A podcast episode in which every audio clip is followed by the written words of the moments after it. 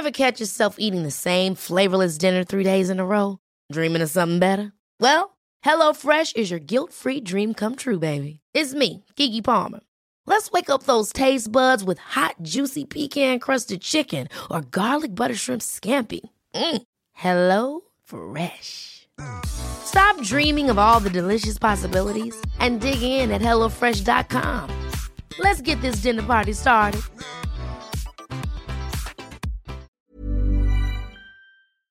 Ukas annonsør i Foreldrerådet er Ekstra. Det er grillsesong. Endelig. Alle dere som har fulgt meg gjennom en lang vinter, vet at jeg har nesten strøket med av kjedsomhet.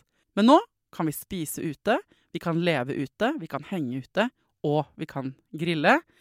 Ekstra har sitt største grillutvalg noensinne, og hør godt etter nå. Her er en del av grillutvalget deres. Habanero-pølser, salsiccia-pølser, black aged pepper-pølser, cheesy bacon-pølser, beefy burger, cheesy burger, skinny burger, big beefy gourmet-burger, fiskeburger med hvitløk, fiskeburger med bacon, rødbet og søtpotetburger, soppburger, barbecue, grillfilet, svinenakke med oregano og tomat, urtemarinert fårefilet, brisket, eller brisket som det egentlig heter, T-bone steak, flank steak, tomahawk, laksefilet med pesto, laksefilet med sitron, scampi med hvitløk og urter, crispy fiskeburger med ost, kyllingfilet med sitron og urter, kylling overlår, gyros, kyllingspyd, smoke barbecue, lårfilet av kylling og entrecôte. Takk for meg. Dette er bare noen av produktene i Ekstra sitt største grillutvalg noensinne, og kommer bl.a. fra Norges mest prisvinnende grillserie, Grill Perfekt.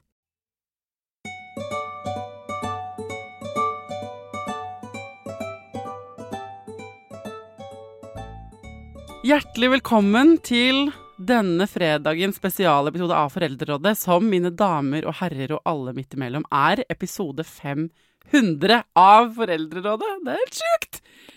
Gjesten er eh, han som har vært her mest av alle gjester, og som er en favoritt, ikke bare hos meg, men også hos dere. Nemlig Torbjørn Bruch Steen. Oh, wow! Altså, jeg er helt overveldet. Eh, og jeg fikk en SMS av deg for noen dager siden og spurte om jeg ville være med. Jeg var sånn Kødder du? Episode nummer 500, som jo er helt vilt. Det er helt- Det er helt liksom vilt. halvparten av 1000 som er helt vilt. Og ikke minst at du vil ha med meg. Jeg ble sånn skikkelig sånn rørt. Selvfølgelig vil jeg ha med deg. altså Torbjørn Bruch tidligere overlege på fødeavdelingen på Ullevål, har vært med, prøvd å telle gjennom nå, i eh, rundt 30 episoder, var det jeg kom til, av Foreldrerådet. Du har fortalt tusenvis av fødende og deres partnere om eh, både fødsel, komplikasjoner, svangerskap. Du loste oss alle gjennom en pandemi. Eh, jeg vet at mange babyer har blitt eh, tatt imot eh, av foreldrerådebabyer, som de kaller det da, de som føder etter å ha hørt på oss her, av deg og dine hender på Ullevål. Og så skal vi snakke om nå, for du slutta jo i den jobben nå i våres, og det har vært stille siden. Men det er selvfølgelig for meg at det er deg som må komme i denne Thea gjør hva hun vil, for hun feirer fuckings 500 episoder-episoden. Ja, altså det har vært eh, en fantastisk reise sammen med deg på alle mulige ting, Thea. Og så er det helt eh, riktig, altså sånn fra midten av februar så ble jeg borte. Ja. Eh, men jeg ble borte fra litt offentlighet, og så ble jeg bare mye nærmere meg selv og de nærmeste. Så jeg har bare rett og slett nå hatt noen utrolig spennende, vanskelige, skumle og gode måneder. Åh. Jeg skal stille deg eh, spørsmål, så får du bare stoppe meg mm, hvis det er noe du ikke vil fortelle og sånn. Men jeg kan jo fortelle de som hører på at ikke sant, eh, på grunn av at altså, eh, Som resultat av at Torbjørn har vært her i Foreldrerådet mange ganger, så har vi også blitt litt venner. Så nå gikk jeg gjennom SMS-kommunikasjonen vår, og vi har jo ikke sett hverandre på lenge. Men jeg pleier å bli invitert til din bursdag på sommeren. Da pleier du å ha sånn svær hagefest. Veldig gøy å være med på. Eh, og det, eh, så inviterte jeg deg i min 40-årsdag, men ingen av oss har vært med i hverandres bursdager det siste året. Vi har eh, likevel hatt en del kontakt på meldinger og snakket litt på telefonen innimellom. Hmm. Men, um, men lytterne som eh, ikke har hørt deg her på podkasten på kjempelenge, eh, har sendt meg melding ut og lurer på hvordan går det med deg og alt mulig sånn. Eh, men siden, siden det først og fremst handler om meg og Foreldrerådet i denne episoden, så lurer jeg bare på hva Eller jeg må på en måte Hva eh, Hva men, tror du foreldreråd Hva har Foreldrerådet betydd for deg, du, altså disse 30 episodene? Hva sitter du igjen med? Jeg er ikke bare ute etter skryt, si hva du vil. Hva, jeg, jeg sitter igjen med utrolig mye. Eh, noe av det viktigste for meg når jeg eh, valgte å bli lege, var, var, to ting. En ting var at jeg var keen på å gjøre liksom, folk friskere eller bedre, eller liksom, bruke kunnskapen min til å få til noe sånt. Eh, og det, det har jeg vært ganske vellykket på, føler jeg, og det har vært viktig for meg. Men den andre biten som har vært kjempeviktig for meg, det er å komme med informasjon og spre forståelse for eh, hva det jeg jobber med er og betyr.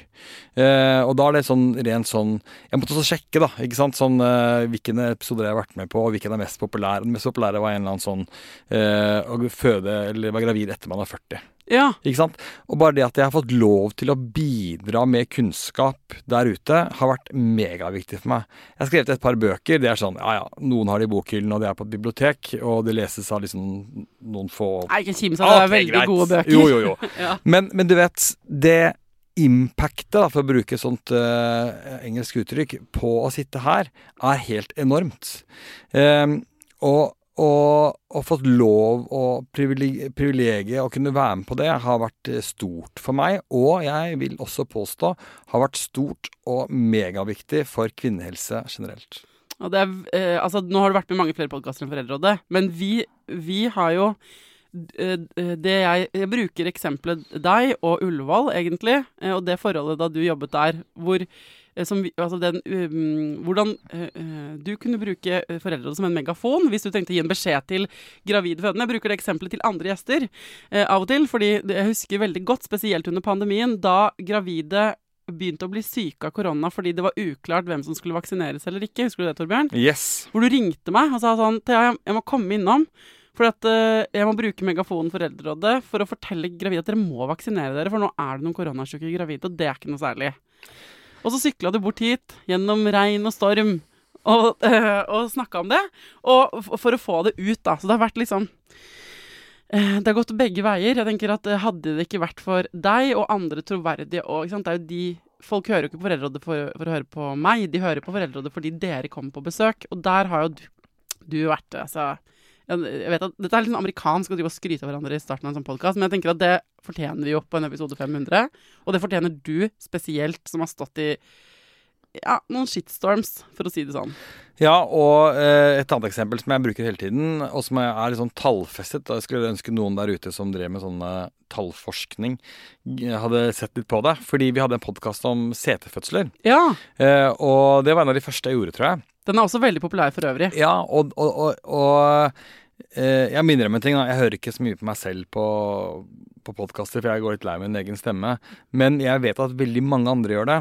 Og jeg har også hatt kvinner til veiledning rundt setefødsler, og så er det vanskelig på en sånn kort halvtime å både gjøre ultralyd og snakke om fordeler og ulemper, og det er litt sånn si, litt sånn dårlig gjort når en lege sitter liksom og snakker over og ned mot en gravid. Så sier jeg bare, vet du hva, hør på den podkasten, kom Mm. tilbake om eh, en ukes tid.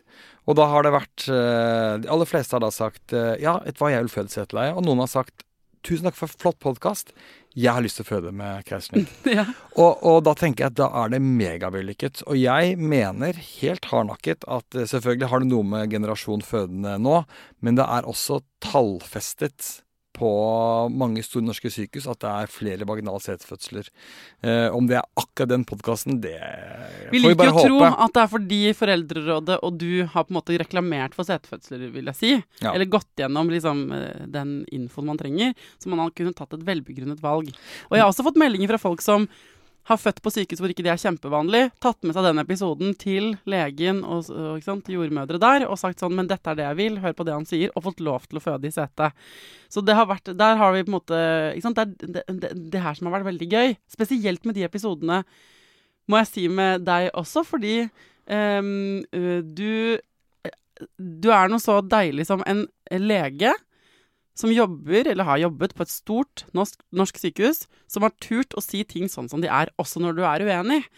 Og det skulle jeg jo ofte ønske at flere fagpersoner gjør, og så kan man jo alltid si sånn OK, jeg burde sikkert være enda bedre til å stille kritiske spørsmål til alle gjester, inkludert deg, og jeg kan skjønne Og det, og det er alltid jobben min, det er ikke det.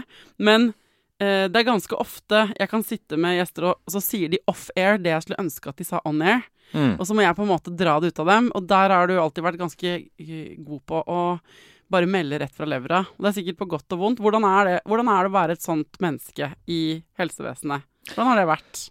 Vet du hva, det har vært mye eh, Mye mer ukomplisert enn det jeg trodde det skulle være.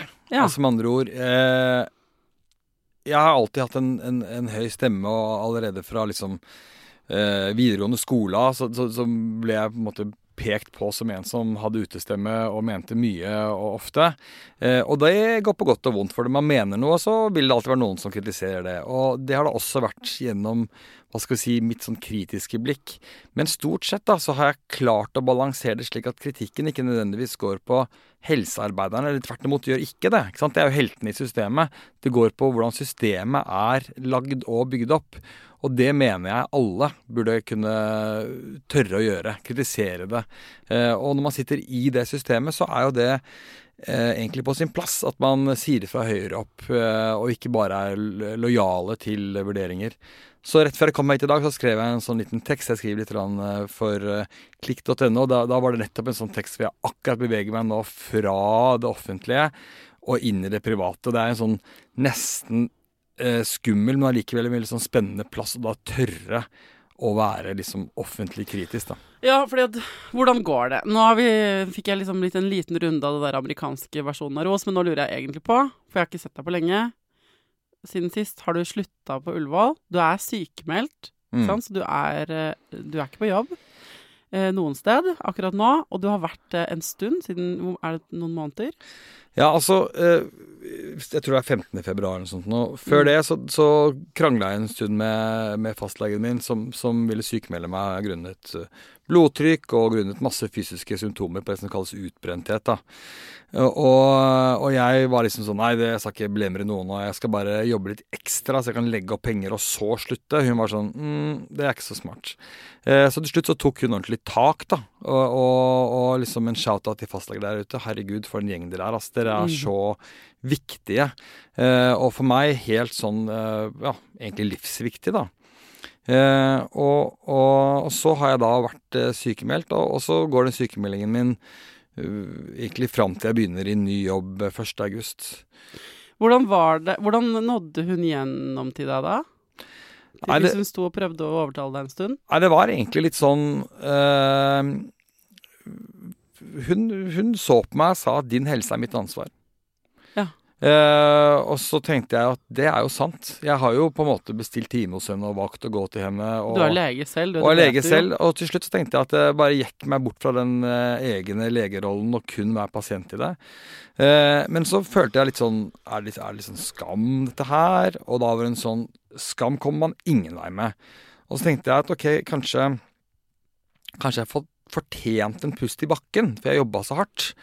Og, og, og det er også veldig langt fra sannheten, for sannheten var at jeg ikke fungerte på jobb. Mm. Eh, og sannheten var at det jeg gjorde, gikk på autopilot, og det jeg gjorde, var dårlig mot min egen helse. Eh, og når jeg begynte å innse det, så var jo det eh, en kombinasjon av ganske mørkt og veldig spennende samtidig. Ja. For det er jo litt sånn mørkt når du må på en måte innse, eller ikke bare innse, men når du må se på deg selv og tenke å ja, jeg er ikke den derre supermannen som jeg har på en måte lagd et bilde av at jeg er for andre og for meg selv og sånn. Så jeg har jo da også sett at eh, jeg må gjøre ting skikkelig. Så jeg har gått til psykolog, da. ja. Annenhver uke. Annenhver uke siden februar. Jeg må nesten gi en liten shout-out til eh, psykolog Emma. For Psykolog hun er Emma helt rå. Ok. Det, eh, det som er veldig interessant, er den eh, Hva kan man kalle det? det der, du vet sånn når, man, når folk trodde at eh, jorden var flat, og så det der paradigmeskiftet man lærer om på universitetet eller på X-FIL, eh, kanskje bare på grunnskolen òg, hvor liksom det fant, man fikk flere og flere liksom, kilder på at jorden var ikke flat. Mm. Og så skal man gå over fra en verdensforståelse av at jorden er flat, til en ny en, som er at jorden er rund. Jeg tenker ofte på det når man etter hvert blir voksen og finner ut at verden og en selv og relasjoner man har, eller jobben eller hva den er, ikke lenger er sånn som man har trodd. For det er det samme man, man kan få. Små ping, små info. Um, men så tviholder man gjerne på den trygge sannheten, eller den versjonen man har tenkt. 'Jeg er en sånn person. Jeg takler dette. Dette handler om andre ting.' Man lukker øya for de uh, feilkildene, da. Og så kommer det bare hvis, du, hvis det ikke bare er en periode, så kommer det gjerne flere og flere og flere, og flere, og flere, mm. flere sånne ting. Til slutt så må man gjøre det paradigmeskiftet, mm. og det er jo det du beskriver, det derre fallet da. Mm. Hvor du bare Hva faen er Jeg vet da ingenting. Så jeg har ingen av de tingene jeg trodde stemmer lenger. Nei, ikke sant? Hva er jeg da? Og det kan folk kjenne seg igjen i, om det er at du er fødselslege og blir utbrent i jobben, eller om du er, forelsker deg i en annen enn den du bor med, eller hva det nå enn er, da. Mm. Og, og, ganske lenge så tenkte jeg jo at ok, ja, men sånn er det. Jeg mista mojoen, så jeg har brukt opp kruttet. Jeg, det, er, det, er, liksom litt over. Så får jeg bare hanke inn det jeg har igjen, og så får jeg liksom bare gjøre noe ut av det. Og så blir det sikkert OK, det også. Og, og det var en veldig sånn rar følelse. Eh, og så begynte jeg etter hvert å liksom finne meg litt selv igjen, da. Eh, Hvordan ser det ut? Nei, og det, det ser veldig annerledes ut. Du, du kommenterte da jeg kom inn døren her at oi, shit, du ser annerledes ut uten skjegg. Ja. Og den dumme snurrebarten. Eh, den er ikke, jeg har alltid elsket snurrebarten, okay, men nå er det folk jeg... som ikke har sett han. Han har ikke snurrebart, han har vanlig bart og ikke skjegg. Ja. Og, eh, og det, det er jo en veldig sånn fysisk eh, ting å se, da. Eh, men det veldig mange har sagt til meg, eh, som har møtt meg siste tiden nå, er at, eh, at jeg har en litt annen sånn ro ja. i kroppen. Uh, og jeg har alltid vært litt sånn uh, Nå bruker jeg et veldig dumt uttrykk, litt sånn colahøy. Litt sånn alt er litt uh, hele tiden. Men nå kjenner jeg på at jeg har en helt annen sånn rotfestethet, da. Og det Det kjennes så utrolig mye bedre ut. Jeg hadde ikke fått til det, eller funnet fram til det, uten A huge shout-out til kona mi, liksom. God Tredje shout-out på ti minutter. Det er tre jo, kvinner også som har blitt shout-outet til. Tre kvinner, og selvfølgelig de fire kvinnene jeg har hjemme av barna mine. Og så har jeg fått en hund i tillegg, det er en helt annen historie, som også er en kvinne.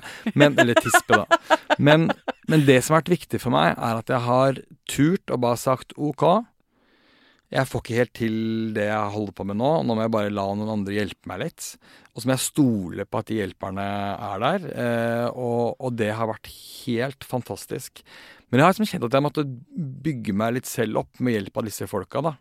Men hvordan, for folk som hører dette, og som står på et eller annet sted mellom Kanskje er de i sitt gamle paradigme og fortsatt ikke tør å De har fått noen hint om at noe er gærent, men de vet ikke helt hva det er. Andre står midt mellom. Liksom, De mm. er på det punktet når de hører denne episoden hvor de bare ikke vet nærmere råd. De vet ikke hvordan det kommer til å bli. De er litt lost. De føler mm. seg lost. Eller de som akkurat har begynt å sette fot under seg igjen. Kan du beskrive hvordan det har vært for deg? Altså helt sånn konkret, Hva betyr det at du har fått en ro? Hvordan merker du det i en sånn Er det noen sånne vendepunktsituasjoner eller noen, altså noe sånn visuelt gjenkjennbart? Hvordan det har vært for deg? Det første gang jeg skjønte hvilken vei det bar, eh, i positiv forstand, det var når jeg var på en joggetur, eh, og det har alltid vært min sånn go to når ikke ting har vært så bra for meg, eller når jeg har behov for å få ut litt steam, eller ja. Og, og så var det en sånn fremmed person på gata eh, som bare ropte 'godt jobba'. sånn 'godt jobba'! Var det sånn? Ja. ja. Og så, og, og, og så regna det. Og så litt sånn lagde et bilde hvor, liksom, tårene blandet seg med det regnet. Ja. Fordi jeg, jeg, følte på en sånn anerkjennelse på at du må ikke prestere stort for å jobbe godt. Nei. Ikke sant? Jeg har jo hatt en sånn prestasjonsgreie. Ikke sant? Jeg har jo sittet som sjef på Norges største føreravdeling av en grunn. Da har jeg vært et ønske om å prestere mye. Ikke sant? Og om det er her i studio, eller om det er når jeg er på Ullevål, eller hva som helst. Jeg vil jo prestere masse. Men jeg har begynt å skjønne at bare det å, å liksom leve er godt jobba. Ja. Ikke sant? Fy fader. Sitat til en T-skjorte. Å bare leve er godt jobba. Ja. Faktisk. Enig. Og, og, det er så mye Og det som også da skjedde når, det, når jeg fikk den beskjeden, så begynte jeg så mye mer å bare se rundt på menneskene. Jeg har alltid vært relativt flink til ikke se på telefonen når jeg gjør ting. Eh, trikk eller hva som helst. Og så begynte jeg å liksom få en sånn der, nesten sånn kjærlighetsforhold til menneskene som bare går rundt og lever. Helt sånn Wow! Dere De står bare på holder på, liksom. de bare holder på, de gjør det de skal gjøre. Eh, om det er å gå inn på en eller annen arbeidsplass, eller om det er å gå og handle i butikken. Men det er litt krevende, ikke sant? Eh, sånn at eh, det, det, det var da jeg skjønte at nå begynner jeg å bevege meg mot riktig vei. Før det så var jeg bare en sånn der Jeg ante ikke hva jeg holdt på med. Jeg bare liksom Alt bare gikk i surr. Jeg hadde ingen fotfeste. Og så begynte jeg å gjøre sånne ting som var bra for meg. Altså sånn Tok badstue på Sukkerbiten. Som er et sted i Oslo. En og en halv time uten å gjøre noe annet enn å bare ta Bli badstue. varm. Bli varm og kald. Varm og kald. Ja. Eh, og så begynte sakte, men sikkert eh, jeg å finne ut av at det å ikke gjøre noe, som jeg nesten så godt som aldri har gjort, det var og er utrolig bra for meg. Eh, og jeg har alltid gjort noe på vei mot noe. Altså aldri, det har aldri vært et sånn stille Nei, altså Å invitere deg hit, eksempel, er sånn Jeg kommer rett fra nattevakt, men jeg kan komme innom deg, men så skal jeg innom en slakter og hente et halvt lam fordi vi får 30 mennesker på middag i morgen. Ja. Jeg skal bare preppe det før jeg skal på dagvakt igjen. ja. Sånn har det vært. Og så har jo vi sittet igjen sånn Du sa det der i stad med at du ikke skulle kalle det Cola Høy, men du har jo på en måte vært en sånn livs... Du har jo hatt en sånn kjempekraft i deg som jeg bare blir lattermild av. For jeg er jo Mm. også sånn høyenergitype kan være. Så vi to sammen er jo helt sånn herre Og så går man jo på en måte ut av det med påfyll, men det er klart, det er vanskelig å skille, for det betyr jo ikke at du ikke skal få lov til å ha den energien igjen, men hvordan skiller du den når den er god, fra den når den på en måte nesten er manisk, hvis du skal si et annet ord vi sikkert ikke burde bruke, da, men hvor, Jo, men er å, hvor man på en måte løper bare fortere på tredemøllen fordi man ikke orker å eh, logge inn. Jo, og det er akkurat det som er eh, eh, greia, da. Så det har, vært, det har jo vært ja, manisk, ikke sant. Det har jo vært litt manisk. Ikke sant? Og det har vært helt riktig. Jeg har henta et halvt lam på slakteren på vei hit og har det sånn over skuldrene. Og, og det er en del Det av er meg kult, det! ja, det er en? Og det er en del av meg jeg liker. Altså, jeg liker meg selv i det. Ja. Eh, men nummer én, det er jo ikke noe mål i seg selv. Og nummer to, jeg har begynt å like meg selv utrolig godt. Sånn som i går. Så satt jeg på verandaen, og så hørte jeg bare på Nyhetsmorgen. Drakk kaffe. Ingenting annet. Jeg bare hørte på det. Og, og det, det er superbra. Det er godt nok. Eh, og i forgårs så ringte moren min meg, og så sa hun Lille Reven, som hun kaller meg. Kaller hun deg Lille Reven? Ja, for øvrig så heter hunden min Reven, men det kan vi snakke om en annen Ja. episode. Men, men da, da sa hun at du, nå er du på det vanskeligste punktet omtrent du kan være. Fordi nå begynner du å kjenne deg frisk igjen, bra igjen, og så girer du rett opp på samme greiene. Ja. Jeg, har besøk fra USA, jeg har lagd middag til de tre dager på rad. Jeg Du liksom, kommer hit. kommer hit, ikke sant? Og så er det sånn Ok, greit. Så det jeg er blitt flinkere til nå, det er å høre på moren min, høre på kona mi, og høre på barna mine. Og kanskje nesten det aller beste med alt jeg har gjort nå gjennom disse månedene siden jeg ble sykemeldt, det er å ikke bare se barna mine, for det har vært sånn selvskrytende av at 'Å, jeg har så mye kontakt med barna mine, og snakker med dem, og går på kafé med dem', bla, bla, bla. Det jeg gjør nå, er å bare sitte på kjøkkenbenken når de kommer hjem, og spørre om de vil ha en kopp te. Ja, bare henge med dem. Henge med dem. Og for to uker siden så var kona mi i Sverige på hytte, og så ringte hun meg og spurte hvordan var dagen din. Og Så sa jeg det er den beste lørdagen i mitt liv. Hun bare wow, det var store ord. Typisk at hun var i Sverige akkurat da. ja, ja. ja, ja. Men, eh, men vanligvis på lørdag så hadde jeg dratt til Løkka, handlet som du sier på slakteren, styrt, skulle ha middagsselskap bla, bla, bla. Jeg, jeg, jeg spiste frokost først med den eldste, som skulle tidlig på, på jobb. Og så satt jeg ikke og gjorde noen ting, og så gikk det noen timer, og så sto hun nest yngste opp, og så spiste jeg frokost med henne en time. Og begge de barna mine hadde lyst til å sitte sammen med meg i en time. Og, og, og når jeg ringte kona mi, så øh, jeg har vært litt emosjonell, da. Tårene bare rant, liksom.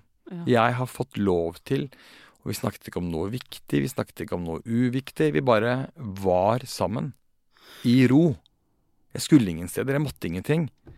Helt fantastisk.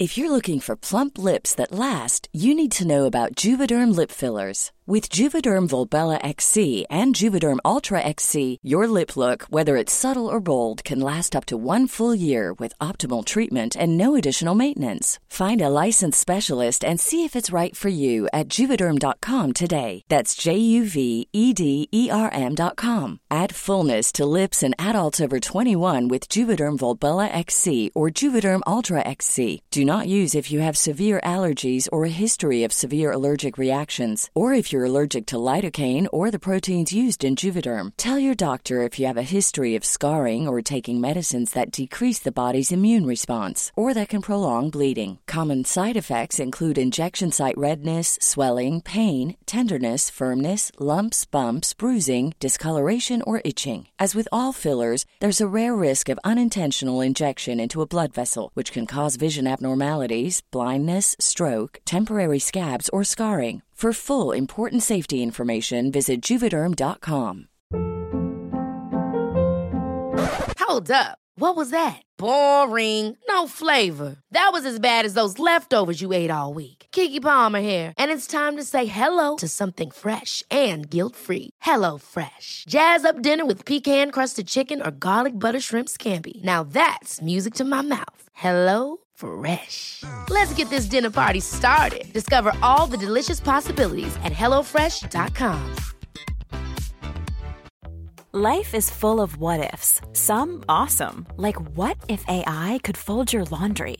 And some, well, less awesome, like what if you have unexpected medical costs? United Healthcare can help get you covered with Health Protector Guard fixed indemnity insurance plans. They supplement your primary plan to help you manage out of pocket costs. No deductibles, no enrollment periods, and especially no more what ifs. Visit uh1.com to find the Health Protector Guard plan for you. Men når mammaen din eh, sier dette her, at du må passe på at ikke du eh, Nå som du har begynt å bli bedre, og begynner å kjenne deg selv igjen, da. Og begynner å kjenne på glede, f.eks., eller tilstedeværelse. Og så sier hun at du skal unngå å hoppe på tredemølla igjen, på en måte. Mm. hvordan, hvordan unngår man det? Hva er planen din, liksom? Nei, det er jo vanskelig, og du kan godt si at eh, planen min er jo ikke å ikke gå på noe tredemølle, på en måte. Altså, jeg syns jo at livet mitt, som består av mange forskjellige ting, er spennende. Jeg takker jo ja til en podkast her senere også. Og jeg skal jo i ny jobb, og jeg gleder meg mega til det. Og jeg skal gi liksom jernet pluss litt til på det også. Sånn at det, det er bare det å lytte til seg selv underveis. Og sette enorm pris på når det er i ro. Og hvis jeg ikke har vært i ro, så må jeg rett og slett sette av tid til den roen. Mm. Det høres jo både megavanskelig ut og Hva skal vi si lett. Men, men det, er, det er jo bare å gjøre så godt jeg kan i det. Og så er det én ting til. Jeg skal på en måte ikke være sint på meg selv om jeg ikke helt får det til heller, liksom. Nei, for det der det er bra du sier. eh, de som hører mye på Foreldrerådet, og som har hørt mye på meg og min, eller mine søstre og meg, de vet at vi har snakket mye om sånn Vi kaller det i vår familie liksom sone grønn, gul og rød. Jeg gjør det for så vidt det i mitt parforhold òg. Mm. Og sone grønn, ikke sant, da er det flytsone. Ting er bra. Sånn som du forteller om den lørdagen. Trenger ikke å være så høyt på glede, liksom, men du bare er til stede i hva det nå enn er. Yes. Og så har du den sone gul, som alle har liksom sym ulike symptomer på. Som er sånn, du er litt anspent, det er litt sånn Kanskje har du litt mer tunnelsyn. Eh, Du kan, hvis, du, hvis du klarer å kjenne etter, så kjenner du at du liksom er litt anspent, litt tens. Du får, mange av oss får, får da lyst til det motsatte av det vi trenger. For det vi trenger, er å på en måte to det ned igjen, sånn at vi kan havne på grønn. Men det eh, i hvert fall søstrene mine og jeg ofte gjør, er å da eh, jogge litt fortere. Fordi vi Mm. tenker at hvis vi bare får gjort unna en del ting, så kommer vi til det stedet hvor grønn er tilgjengelig. Altså type hvile. Mm. Men i selve oppjassingen så eh, løper vi egentlig fortere og fortere mot gjerne det som er sone rød, som er når du har løpt for lenge på sone gul og er for sliten, og det faktisk, om det enten er meltdown eller gråting, eller at du bare blir helt, som er nesten enda verre, nummen, Mm. og dermed mister helt oversikten. For at eh, på sone rød, når du er der, så har du ikke lenger kartet. Over, det, det kartet eksisterer bare på grønn og gul. Ja, ja, ja. Da er det litt som at røyken fyller kupeen, og du trenger en plansje på veggen som sier sånn nødutgangen er der. Når ikke det er røyk i den kupeen, så trenger du ikke den plansjen, for da vet du hvor nødutgangen er. Mm. Men når det er panikk, så fungerer liksom reptilhjernen din og det er det du har. Mm. Så det derre eh, å på en måte finne gripepunktet mellom gul eh, og grønn, da. Mm. Altså det der å finne liksom ehm, At ja, fordi livet kommer til å være stress, og det er greit at det er en tredemølle, og du kommer til å ha hektiske dager og forhåpentligvis sykle gjennom byen med et halvt lam over skuldrene igjen. Ja, ja, ja. Fordi du gleder deg til å lage den middagen. Yes. Men, eh, men da å vite at sånn ah, nå er det, Skal jeg gire opp nå? Det er det jeg har lyst til. Eh, og så litt for sent huske på at det gjorde du, men så komme på at fader, jeg skal ikke slå meg selv i hjel for det, Mm. men klare å logge inn og ned. Ja. Og det er vanskelig, altså. Ja, igjen, og det er det der, ikke sant, som jeg sa i stad, det med å leve er jo megavanskelig. Og, og alle vi som får det til, burde bare klappe oss selv på skuldrene og si fy fader, vi er rå. Og vi får det til selv om vi ligger litt nede. Og jeg tenker jo nå at øh, øh, Jeg hadde ganske sånn lik runde med meg sjæl da jeg var 14. Veldig, Å, ja. veldig tidlig. Men da begynte jeg å gå, gå, i, gå i, i terapi eh, da også. eh, som var helt sånn megaviktig for meg, og, og det er det nå også. slik at liksom, Høres litt sånn floskel ut, men ville jeg vært den tiden her foruten? Overhodet ikke. Nei. Jeg er så glad for at jeg faktisk har ligget nede, for jeg har vært litt sånn skikkelig nede, liksom. Mm. Det har vært utrolig bra og viktig for meg. Men når du sier det, så sier du det som et menneske som har kommet ut av det igjen. For når man Yes. er der Hvis jeg hadde stukket en mikk opp i fjeset ditt da, Ja, eh, så hadde vel kanskje ikke den liksom, positivistiske innstillingen vært der i det mørket. Og det tenkte jeg også på idet jeg sa det, at nå hører noen på det her som ligger nede og tenker bare ja, det kan du si. Det, Jeg orker har, ikke å høre det, som har liksom. liksom ressursene til å kunne få det til. Men, men det er Det er eh, Det er berikende for meg at jeg har liksom også hatt det litt vanskelig, og det er berikende forhåpentligvis for pasienten jeg skal ha fremover. Eh, og ikke minst for familien jeg, jeg er i nå. Og, og jeg støtter alle dere som er på vei opp, på vei ned, ligger nede eller hva som helst. Eh, og så bare ja, Det som er viktig for meg, det er egentlig å bruke alle de ressursene jeg har rundt meg. Og hvis dere har det, så bruk det. Om det er mor, superviktig. Om det er partner, eller hvem dere har, bruk det. Ja. Og så er det liksom noe så innmari sånn Vi holder alle på. Altså alle vi. Uansett hvor, om du har ræva full av penger og masse ressurser og masse mennesker, om du ikke har nåla i veggen, om du har åtte unger eller ingen, om du strever med det ene eller det andre. Alle vi menneskene, som er som sånne maur i en maurtue, vi jobber på. Vi jobber på med ting du ikke ser på overflaten. Mm, Og det der å huske på det, og så er det så vanskelig når man føler seg isolert og alene. mm. Og så hører man en eh, ikke sant, superflink, profilert fødselslege fortelle om den tunge tiden, på en måte. Ja, ja, Og så kan man tenke sånn her, ah, ok, det er lett for deg å si, men, men det er det som er så sant at vi Hvis man skreller vekk alle de der ytre greiene som vi omgir oss med, så er vi så innmari like inni der. Vi er, Mm. er jo så sårbare små knøtt, på en måte, Yes. som jobber på ja. i dette prosjektet kalt livet. Og det er jaggu ikke så lett, altså. Nei. Eh, Katja lillesøster foreslo at sånn Folk burde sagt mer da vi var unge, at livet er mye lidelse. Tenker jeg sånn, ja, for at det, det, eh, det har jo på en måte blitt solgt til oss som litt for lettvint. Eller så mener I går så hadde jeg en helt fantastisk dag. Jeg var på avslutningsseremonien for min eldste datter, som Mm. nå har vært russ og er ferdig på skolen. Sånn- Gratulerer. Wow! Gratulerer til henne og til meg og til alle. Eh, og det er altså sånn derre Ja, det var jo veldig spesielt, da. sant? Sitte der i aulaen på Handelsgym og være litt sånn Oi, der sitter jeg og har en så vakker datter der oppe som er ferdig på skolen. Men, men mye av tankene mine gikk, gikk til alle disse som gikk opp og fikk diplomet sitt, eller vitnemålet sitt. Litt sånn Dere lever nå, og dere har levd en stund, og så skal dere ut i livet. Mm. Nå har jo på en måte norske stat i gåseøynene gitt en sånn derre Vi passer på dere egentlig 24-7 med dette systemet som kalles skolevesenet, som jeg har hørt superbra for henne. Og nå skal man bare plutselig liksom være litt sånn fri. Ja. Og, og, og jeg gleder meg til å se fortsettelsen, men jeg, jeg tenker også at fy søren, altså. Og om jeg skal bruke at livet er mye lidelse Ja, det er, det, det er i hvert fall ispedd lidelse. Altså, jeg, eh, jeg, bare, jeg har også vært på skoleavslutning denne uka. Og min unge er ferdig med barneskolen. Og jeg må bare si, jeg ble bedt om å holde en tale til alle elevene, altså til barna på en måte på vegne av oss voksne. Og hvis du tenker at det er litt for drøyt å si det til eh, barn på 18, eller mennesker på 18 Jeg holdt tale hvor jeg bare sa altså, Livet er som et dataspill, eh, alle dere sammen. Eh, og nå skal dere levele up. Og det ingen har fortalt dere, nå som dere er tolv år, det skal jeg fortelle dere. For det skulle jeg ønske noen sa til meg. Det kommer til å bli ganske mye dritt på ungdomsskolen. og det er viktig at jeg sier det til dere, fordi eh, hvis dere Problemet med at ingen sier det, er at dere tror dere gjør noe galt, eller at det er noe galt med dere den dagen dere får en ræva dag. Men i dette spillet, som heter Livet, så er det å levele up Det inneholder ganske mange utfordringer. Så hvis du Det inneholder også forelskelse og lykke og gode venner og stjerner i øya og masse godteri og kule ting. Men det inneholder ganske mye ensomhet, irritasjon, frustrasjon og dritt òg. Og når det kommer deres vei, vit at du da spiller spillet riktig og at det ikke er noe gærent. Så jeg la bare alt fram til disse ungene som satt med store øyne, tolv år gamle. Og jeg hadde sjekket talen min med Tidemann først. Bare er dette greit, liksom? Å si. Mm. Han bare Jeg syns det er digg at noen sier sannheten, jeg. Fordi man kan faktisk føle når man ser på TikTok at det er meningen at man bare skal være happy hele tiden. Tenker jeg ja, nettopp. Ja. Det er derfor vi må si det. Ja, og det, og det, og det sier vi jo nå også her i podkasten og ungdomsskolen, altså. Wow. Ja. Og jeg har jo nå tre som har gått gjennom. Ja. Du, uh, det er kjempegøy. Men også til oss, da. ikke sant? Her ja. sitter du og er på en måte uh, uh, og, og, og, så skal vi gjennom mange kriser. Og vi skal gjennom masse deilig òg. Mm. Ikke sant? Men vi skal også gjennom en del runder. Og du sa din første runde var Du gikk til psykolog da du var 14. Ja, det var ungdomsskoletrinnet, det, da. Ikke sant? Og da, mm. det du sitter igjen med nå, da, vil jeg tro, er at du kan huske at jeg har vært innom dette greiene før.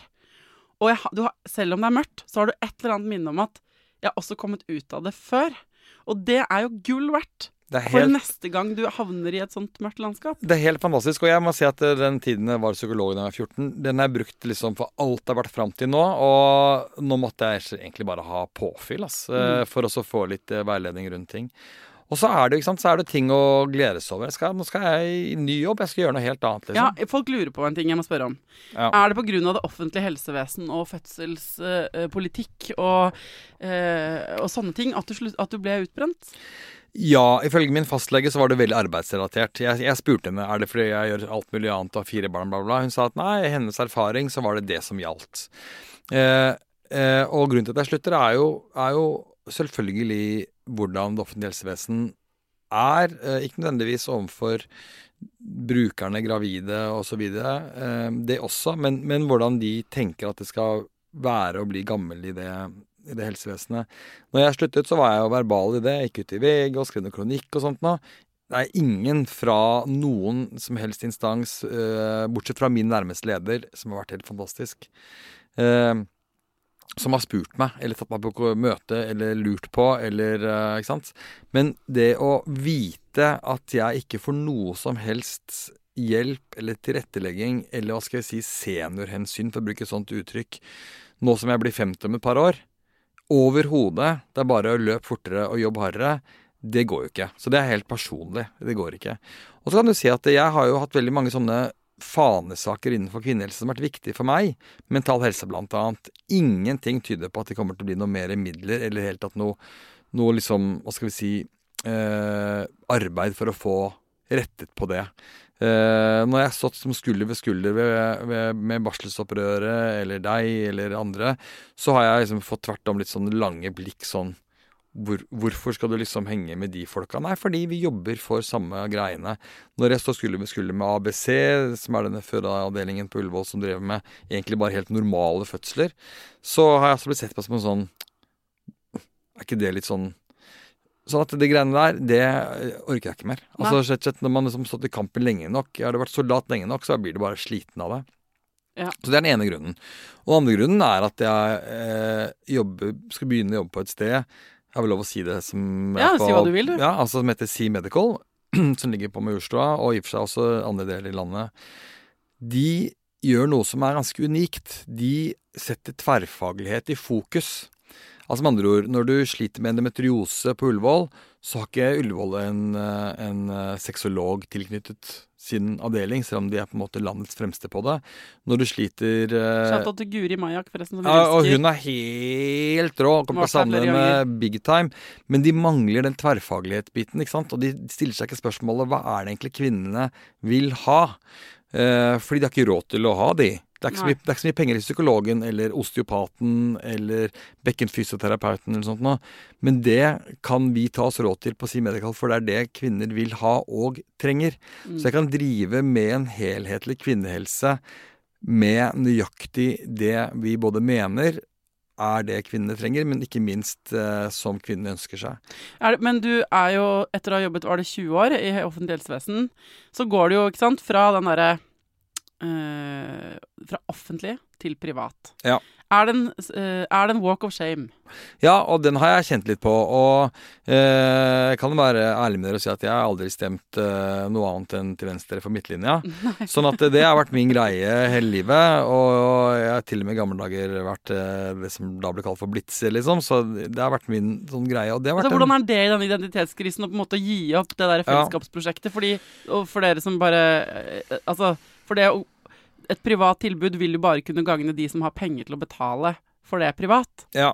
Nå er jo privat helsevesen blitt noe annerledes enn det det var før. da, ikke sant? Blant annet så driver eh, vi med masse gynekologiske operasjoner, også endometriose blant annet, på da type ventelistebrudd. ikke sant? Ja da, men det er likevel et skifte, så hva, fortell, Yes, fortell om og- oss, og- og- walk of shamen i ditt hjerte, på en måte, Ja. eller hvordan det føles. Jo, altså det, det føltes spesielt, eh, og litt sånn motstridende med meg selv, men føles overhodet ikke eh, vanskelig nå. Og det har vært en reise mot der, for jeg vil også snakke sånn så vidt om, eh, mens jeg har vært der tidligere, at jeg har også jobbet litt privat i en annen liten, bitte liten jordmorklinikk, for å se hvordan det føltes.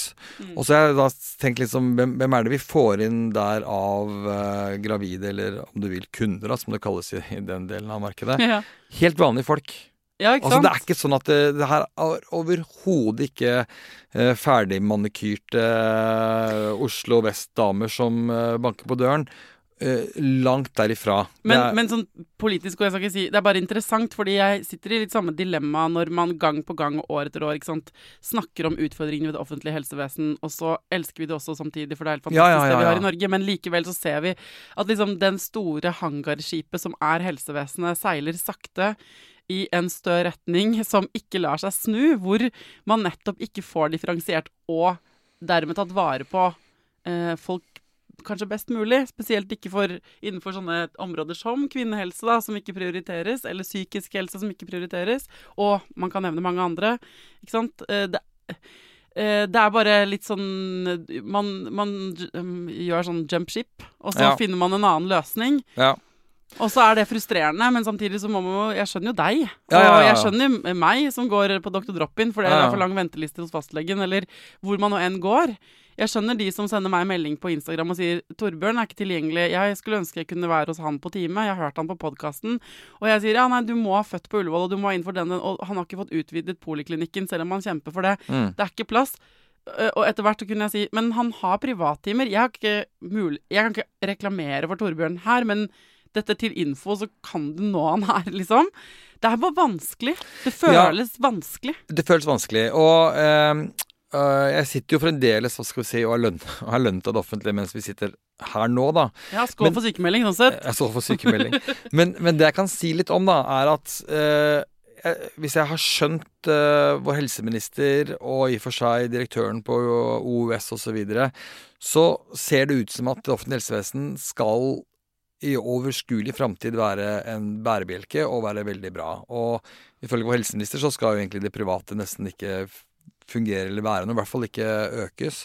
Men det det virker som de ønsker seg, er et helsevesen som driver med med det generelle. Altså med sånn de, de, de, altså de skal dekke alt, men de skal liksom drive generelt og være god på det generelle. Og det helt sånn spesielle ser ut til å være ikke så interessant fremover. Og direktøren på OS har til og med sagt at vi skal heller ikke være nødvendigvis i verdensklasse alltid. Dette er liksom, Du kan jo bare eh, google, og det, han har blitt sitert på det uten å dementere det. Slik at jeg tror jo på at sånne som eh, Sea Medical, hvor jeg skal kunne jobbe nå fremover, de skal kunne være en utfordrer og komme med eh, liksom Se hva vi får til med det vi har av ressurser. Eh, offentlig helsevesen kopier dette, eller bli Ja. med på leken. Eh, og jeg er jo allerede i dialoger med, med folk som kanskje kunne hjelpe til, slik at min favorittgruppe, som jeg ikke helt ser for meg kommer til å trappe opp på Maurstad i morgen, som er kvinner med rusproblemer i svangerskap, kanskje i framtiden så kan vi faktisk drive med det. Mm. Fordi at vi kan få en støtte eller en annen ordning. Ja. Slik at vi er veldig sånn ydmyke også for det offentlige. Både fordi vi i dag eller får støtte når vi gjelder eh, å kunne operere da på ventelistebrudd, men også håper vi i framtiden at vi kan hjelpe til der hvor det offentlige ikke har mulighet å kunne få til alt. For de skal jo som tross alt være 24-7 365 på vakt. Og da Mm. kan de nødvendigvis kanskje ikke bare drive med det helt spesielle alltid. Ok. Ja, det er veldig godt å høre og se at det går bedre med deg, Torbjørn. Bortsett fra når du setter vann i halsen. Eh, det er skikkelig, skikkelig fint å se at du har fått gnist tilbake i øynene dine, og å høre at du koser deg på lange frokoster med ungene dine.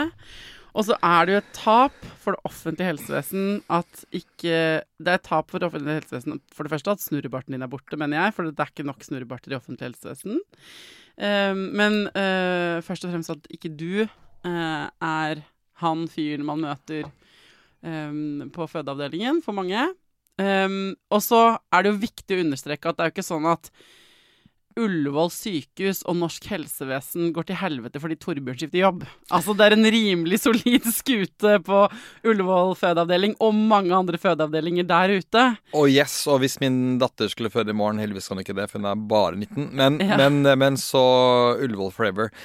Og så må jeg si en ting til, da. Jeg har fått i min kontrakt med min nye arbeidsgiver, eh, med to streker under svaret, at jeg får lov til, oss passere, fire uker i året for å bidra i det offentlige på norske fødeavdelinger. Så du kan gjøre turné. Og jeg har siden sist vært i Mo i Rana. Herregud, for en plass. Altså, for noen jordmødre, og for en plass å kunne jobbe. Jeg har vært på Elverum, og jeg gleder meg til fire uker i året og for å bruke et annet slitt uttrykk, cherrypick litt grann, for å kunne eh, bidra. Helt til jeg selv føler at ok, nå har du tatt imot barn for omtrent sånn halvannet år siden. Da skal jeg selvfølgelig skru av dette. Men, men jeg har fått det med fordi jeg virkelig elsker det.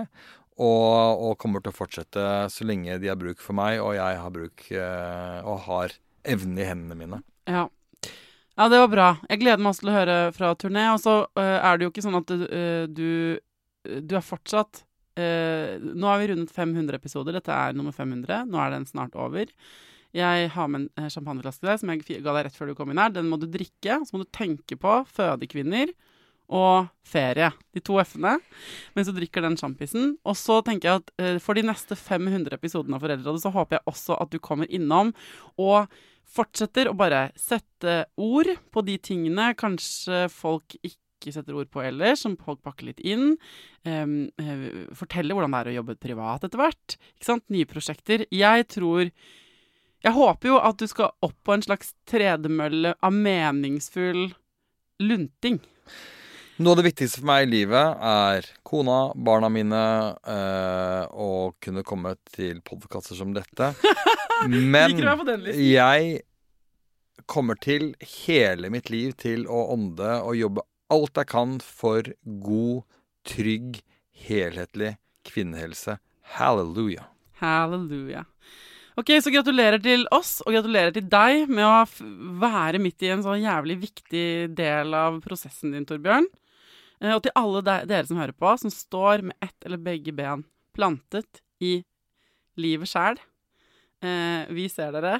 Det suger innimellom. Det er også fint og overveldende, fordi det er hardt å være et menneske og bare få til å leve. Så gratulerer for at du får det til. Gratulerer for at du får det til. Ok. Um, takk for at du kom tilbake og feira 500 med meg, Torbjørn. Tusen takk, kjære, kjære Thea. Eh, til neste gang, folkens, ta vare på deg sjæl, ta vare på ungen din, og lykke til.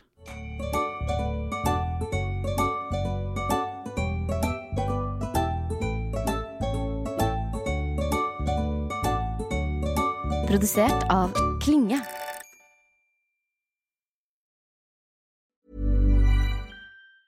Ever Ever catch yourself eating the same flavorless dinner three days in a row? Dreaming of something better? Well, HelloFresh is your guilt-free dream come true, baby. It's me, Gigi Palmer.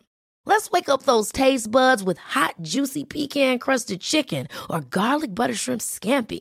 Mm. Hello Fresh. Stop dreaming of all the delicious possibilities and dig in at HelloFresh.com. Let's get this dinner party started. Imagine the softest sheets you've ever felt. Now imagine them getting even softer over time. That's what you'll feel with Bowl and Branch's organic cotton sheets. In a recent customer survey, 96% replied that Bowl and Branch sheets get softer with every wash. Start getting your best night's sleep in these sheets that get softer and softer for years to come. Try their sheets with a 30-night guarantee. Plus, get 15% off your first order at bowlandbranch.com. Code BUTTERY. Exclusions apply. See site for details. Hi, I'm Daniel, founder of Pretty Litter. Cats and cat owners deserve better than any old fashioned litter. That's why I teamed up with scientists and veterinarians to create Pretty Litter. Its innovative crystal formula has superior odor control and weighs up to 80% less than clay litter. Pretty Litter even monitors health by changing colors to help detect early signs of potential illness. It's the world's smartest kitty litter. Go to prettylitter.com and use code ACAST for 20% off your first order and a free cat toy. Terms and conditions apply. See site for details. Even when we're on a budget, we still deserve nice things. Quince is a place to scoop up stunning high end goods for 50 to 80% less than similar brands. They have buttery soft cashmere sweaters starting at $50, luxurious Italian leather bags, and so much more. Plus, Quince only works with factories that use safe, ethical, and responsible manufacturing. Get the high-end goods you'll love without the high price tag with Quince. Go to quince.com/style for free shipping and 365-day returns.